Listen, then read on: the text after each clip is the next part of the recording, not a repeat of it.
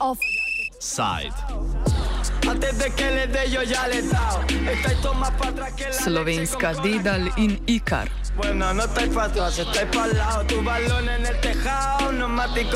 Domovina letalskega pionirja Edvana Rusjanja je že nekaj časa v letalski krizi.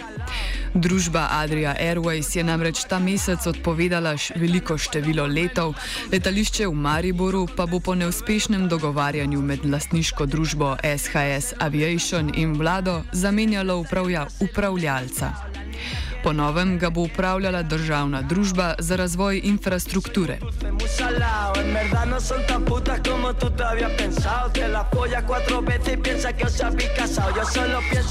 Adria Airways se s težavami pri obratovanju ukvarja že vsaj od leta 2011, ko je zaprosila za državno finančno pomoč z namenom utrjevanja blagovne znamke, kar bi pritegnilo potencijalne investitorje.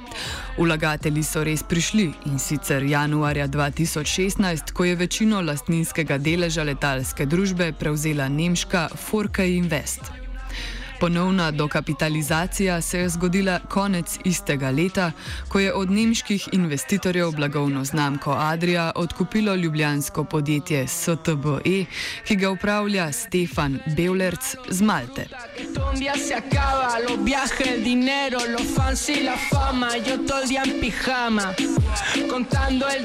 Letalska družba se tudi po teh ukrepih ni izkopala iz težav, zato je načrtovala naslednjo dokapitalizacijo a je posel, s katerim bi kupili nova letala od ruskega podjetja Suhoj, v začetku leta 2019 propadel. Tudi zaradi tega je februarja 2019 družba Adria Airways priključila podjetje STBE. S tem je Beulerc, poleg tega, da je lastnik blagovne znamke Adria, postal še večinski lastnik letalske družbe Adria Airways.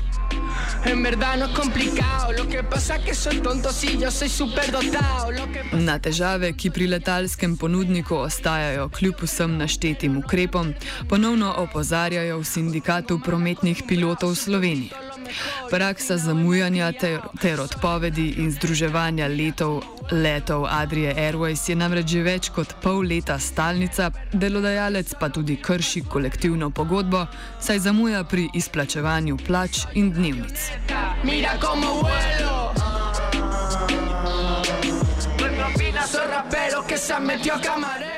Patrik Vlačič, izredni profesor na Fakulteti za pomorstvo in promet ter ministr za promet med letoma 2008 in 2011, opiše, kakšen je bil razvoj družbe Adria Airways po privatizaciji v 90-ih letih.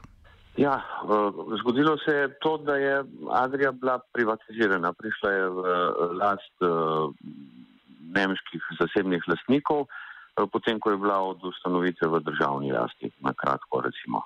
Uh, Adria Airways, Inex, Ad, Inex Avia Adrio Transport se je mislim imenovala na začetku, je bila na neki točki en največjih evropskih uh, čarterskih prevoznikov, ne linijskih, in je imela uh, pač drugačen poslovni model, kot ga ima danes. Danes je to klasična, uh, recimo nacionalna letalska družba, ki ima redne linije in ima tudi nekaj čarterjev, ampak bistveno manj. Težava uh, takšnih poslovnih modelov se kaže v Evropi že kar nekaj časa, ker veliko uh, tudi večjih letalskih prevoznikov, kot je Adria, imela, je imelo ali pa še ima uh, finančne težave. Uh, stvar je namreč v tem, da se glavni denar na letalskih prevozih naredi na prevozih na dolge razdalje. In tiste letalske družbe, ki nimajo prevozov na dolge razdalje, zaradi več razlogov, bodi si zaradi flote, bodi si zaradi tega, ker je bazen potnikov premajhen ali pa kaj podobnega, uh, običajno bolj težko sestavijo svoje poslovanje. Dora, te quiero!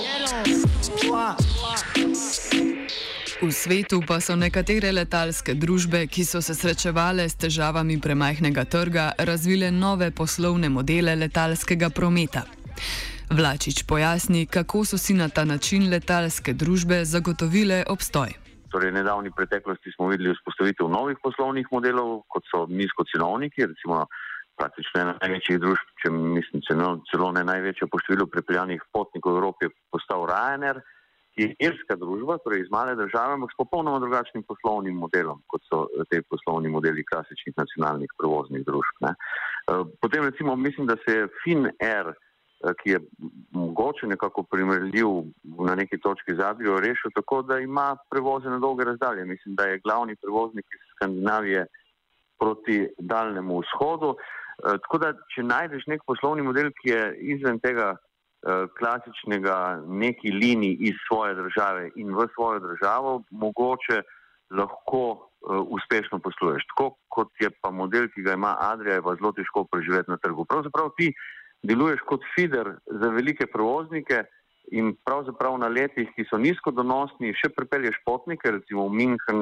v, v Frankfurt, Dunaj uh, ali pa Cirih.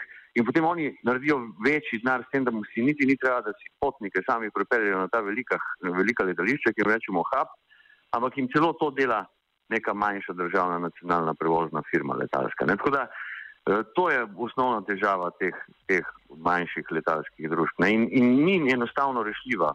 V avtobusnem prevozu uh, so v zelo podobni situaciji, recimo v Sloveniji, manjši kraji, ki imajo manj prebivalcev, kjer avtobusni prevoz umira in uh, razno bizarnih slovencev že dolgo ne bi več obstajal.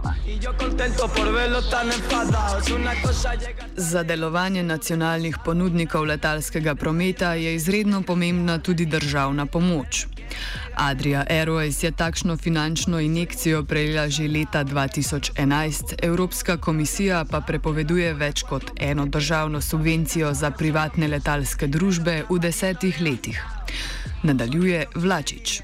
Sama vlada, glede na to, da gre za letalskega prevoznika in da gre za zasebnega letalskega prevoznika, tej eh, dosti možnosti, priložnosti nima. Zdaj, kako je koliko časa je minilo od zadnje državne pomoči, mislim takrat, da smo jo še v naši vladi dali, bila je potem odobrena strani Evropske komisije, to se spomnim. Uh, ali je že pretekel čas, da se lahko pomaga gospodarski družbi, letalski, Adriji ali ne? Mislim, da ne. Kako bi lahko drugače pomagala, si pa težko zamišljam. To je gospodarski subjekt, takrat se spomnim, so vsi zelo, zelo navijali, kako bo Eh, kako, bo, kako je treba tega našega prevoznika nacionalizirati, kako ga je treba privatizirati in uh, mogoče celo uh, nakazovali, kako bo bistveno boljše, ko bo v privatni lasti. Zdaj, jaz nočem reči, da je državna last ok, zasebna last slaba in obratno. Ne. Mislim, imate lastnika, ki je poslovno uspešen in imate lastnika, ki poslovno ni uspešen. Ni nujno en državni, en privatni. Da bi pa država zdaj lahko kar koli veliko pomagala nacionalnemu prevozniku, ne vem. Nisem pripričan, če je že pretekel čas za novo državno pomoč. Poslovanje družbe Adria Airways je trenutno pod nadzorom Agencije za javni nadzor nad revidiranjem. V primeru, da bo agencija odločila, da je prišlo do nepravilnosti v odnosu delodajalca do zaposlenih, kot trdijo v sindikatu prometnih pilotov, lahko Adrija izgubi licenco za letenje. Vlačič opiše, kaj bi taka odločitev agencije pomenila za največjo slovensko letalsko družbo. Vse to je zelo velik problem. Mi se moramo zavedati, da se spomnim, ko sem jaz vodil ministrstvo, je bilo na Eh, letališču Brnik, mislim, da je bilo 2-33 linij iz eh, in v eh, Slovenijo na Brnik. Od tega je, mislim, 28 ali 29 delala Adria Airways. Mislim, da ima danes Adria Airways 15-16 linij, če se prav spomnim. Torej, že, že velika redukcija. Če bi pa Adria izginila iz zemljevida Republike Slovenije, bi naše povezave s svetom bile še verjetno slabše. Bi bilo neki linij, neki novih bi se izpostavilo ampak verjetno predvsem manj kot znamo danes. Tudi prihodnost letališča Edvarda Rusjana v Mariboru ni preveč obetavna. Kot napovedano, je danes vseh 24 zaposlenih na letališču dalo odpoved v podjetju SHS Aviation, ki v vsakem primeru 15. julija zapušča letališče. Podjetje, podkrepljeno s kitajskim kapitalom, je namreč 15. januarja letos odpovedalo najemno pogodbo, saj ni uspelo izvesti načrtovane prenove. Vlada namreč ni spremenila državnega prostorskega načrta za letališče, čeprav se je zavezala, da bo to storila do marca 2018. Tone Bračko, vodja prometa in odgovorna oseba za varovanje na letališču, pa je prepričan, da del krivde za neizvedeno prenovo leži tudi v upravljanju letališča. Kje je prišlo do nesoglasja, bi težko odgovoril. Je pa dejstvo, da se na segmentu prometa pač je najverjetneje malce premalo delalo, prej pridobivanje novih linij, čarterskih, rednih in tako naprej. Upravljanje bo prevzela državna družba za razvoj infrastrukture, ki deluje pod okriljem Ministrstva za infrastrukturo. Novi delodajalec je zaposlenim ponudil pogodbe, ki bi ohranile vse delovne pravice iz prejšnje zaposlitve. Vendar pa v Zvezi svobodnih sindikatov Slovenije opozarjajo, da je 20-odstotna negativna stimulacija, ki jo pogodbe predvidevajo novost in zahtevajo umik tega člena. Bračko pa opozarja, da pogodba vsebuje tudi pozitivno izboljšavo delovnega razmerja. Ja, to drži, ta člen je vključen, hkrati pa tudi piše, da je možno 30% povečanje, se pravi, gre v pozitivno in negativno smer. Uh, kakšni so pa kriteriji, pa imajo v svojih internih pravilnikih zapisano. Uh, kaj to pomeni za letališče kot tako, pa nimam odgovora. Soy una avioneta, mira como vuelo. Društvo za razvoj infrastrukture mora na začetku poslovanja na Mariborskem letališču pridobiti obratovalno dovoljenje, kar bo v enem mesecu precej zahteven zalogaj. Če jim to uspe, bo letališče začasno zaprto, kar pa pomeni, da bo država po besedah ministrice za infrastrukturo Alenke Bratušek morala plačati 5 do 10 milijonov visoko kazen Evropski uniji. Slovenija se je namreč leta 2012 zadolžila za 19 milijonov evrov za nadaljne obratovanje letališča pod pogojem, da bo letališče obratovalo vsaj do 11. novembra 2020. Medtem ko obnova letališča ni stekla, pa je postopoma prednost na trgu pred Mariborskim letališčem pridobilo letališče v Gracu. Pojasni Patrik Vlačič. Mariborsko letališče je tudi en zanimiv primer. Recimo, Graško letališče je bilo, eh, če bom rekel, 20 let nazaj, upam, da ne bom zgrešil, bistveno manj uspešno kot Mariborsko. Danes je letališče eh, v Gracu uspešna zgodba. Zdaj, eh, kaj narediti, da ti pripelješ potnike? Eh, modelov za to je več, obstajajo v svetu in ali, je, ali so to letalske šole, ali je to servisiranje letal, ali je to uh, pomoč uh, neke regionalne skupnosti za to, da se razvija turizem. Uh, različni modeli so, ne? recimo to izkoriščajo nizkocenovniki, da jim regije uh, pomagajo pri, pri tem, ker regije vidijo svoj interes, ker jim vozijo turiste in tako naprej. Zdaj, se pravim, te modele treba najti uh, in to je naloga poslovodstva. Pač poslovodstvo mora najti nek model, ki deluje. Bračko vsebinskih sprememb pod novim delodajalcem ne pričakuje, a si želi, da bi letališče postalo aktivnejše v zračnem prometu.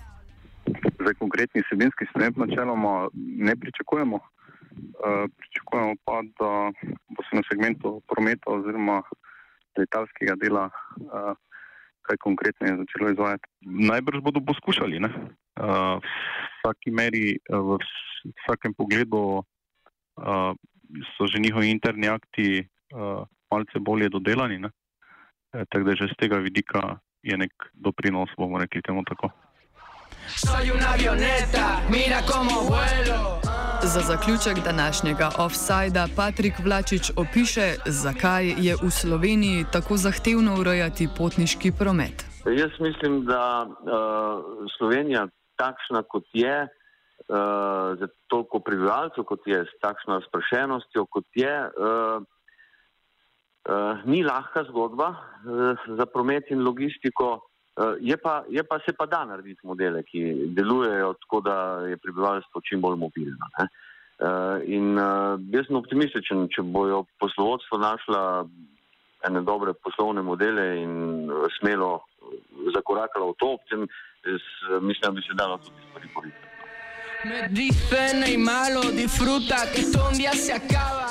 V krizo slovenskega letalstva je svojo taco pomolil še en duh preteklosti. Nekdani ministr za javno upravo Gregor Virant namreč na Twitterju zbira kandidate za skupinsko tožbo Adrije Airways zaradi zamud in neodzivnosti službe za pomoč potnikom. Spomnimo, Gregor Virant je bil tisti, ki je leta 2010, ko je bil še predsednik zbora za republiko, član strokovnega sveta SDS in pogodbeni sodelavec fakultete za upravo, z veseljem potoval z Adrio Airways, saj je imel unikaten privilegij letenja po znižani ceni prodajnega razreda R, ki je namenjen uslužbencem letalske družbe.